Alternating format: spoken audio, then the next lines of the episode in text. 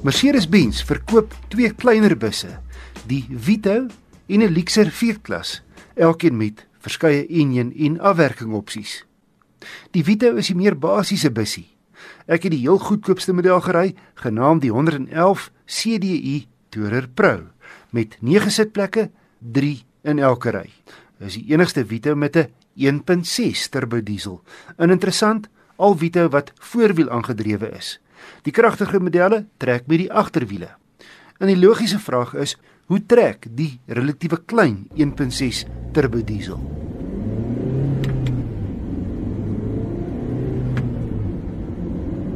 Nie sleg nie, hy skop 'n beskeie 84 kW uit, maar die 270 Nm wrinkrag van 'n verlaat 1500 toere red hom. Trouwens, met 'n lang naweek tripie met 6 mense aan boord, volgepak vanaf Johannesburg na die Vrystaat en terug, het hy sy spoed goed gehou. Bygesê, die Vrystaat se vlaktes het min opdraandes, maar wanneer nodig, het ek net afgerad en dit help dat vierde rad tot ander kant 120 km/h strek.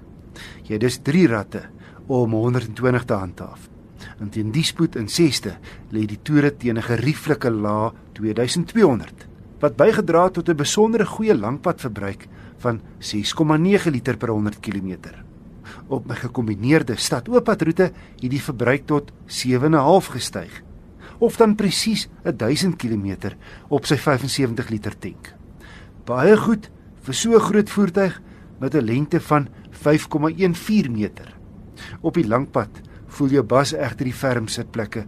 Na 4 ure se ry moes ek eers bene strek om van die lamheid in my sitvlak ontslae te raak. Om verder geld te bespaar, kan slegs die bestuurder se rugleuning verstel.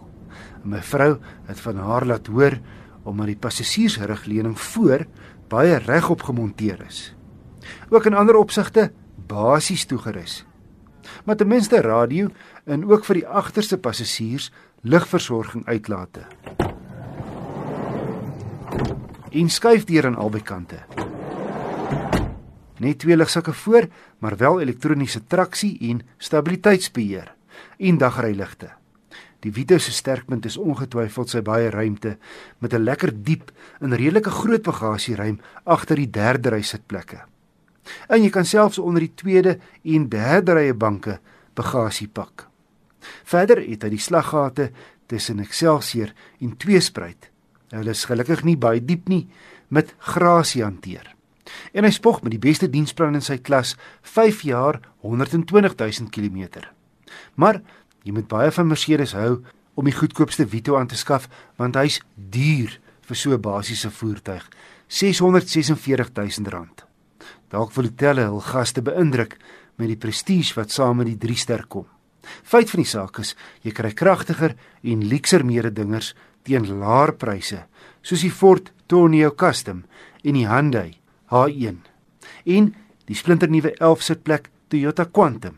Min of meer dieselfde toegerus as die Vito 111, maar onder die 600 000 kerf. En toegerus met 'n veel kragtiger 130 kW 420 Nm 2.8 turbo diesel. Selfe wat jy kry in die top Fortuner en Hilux. Terloops, die vorige Quantum waarvan daar so baie as taksies op ons paaie loop, gaan steeds plaaslik vervaardig word maar gaan voortaan heel gepas die high ice genoem word. Steeds 16 sitplekke en steeds met 'n 2.5 turbo diesel of 'n 2.7 petrol. Egter heel wat goedkoper as die nuwe ingevoerde Quantum en gaan dit steeds die voorkeur taxi wees met 'n prys van tussen 419 en 444000 rand.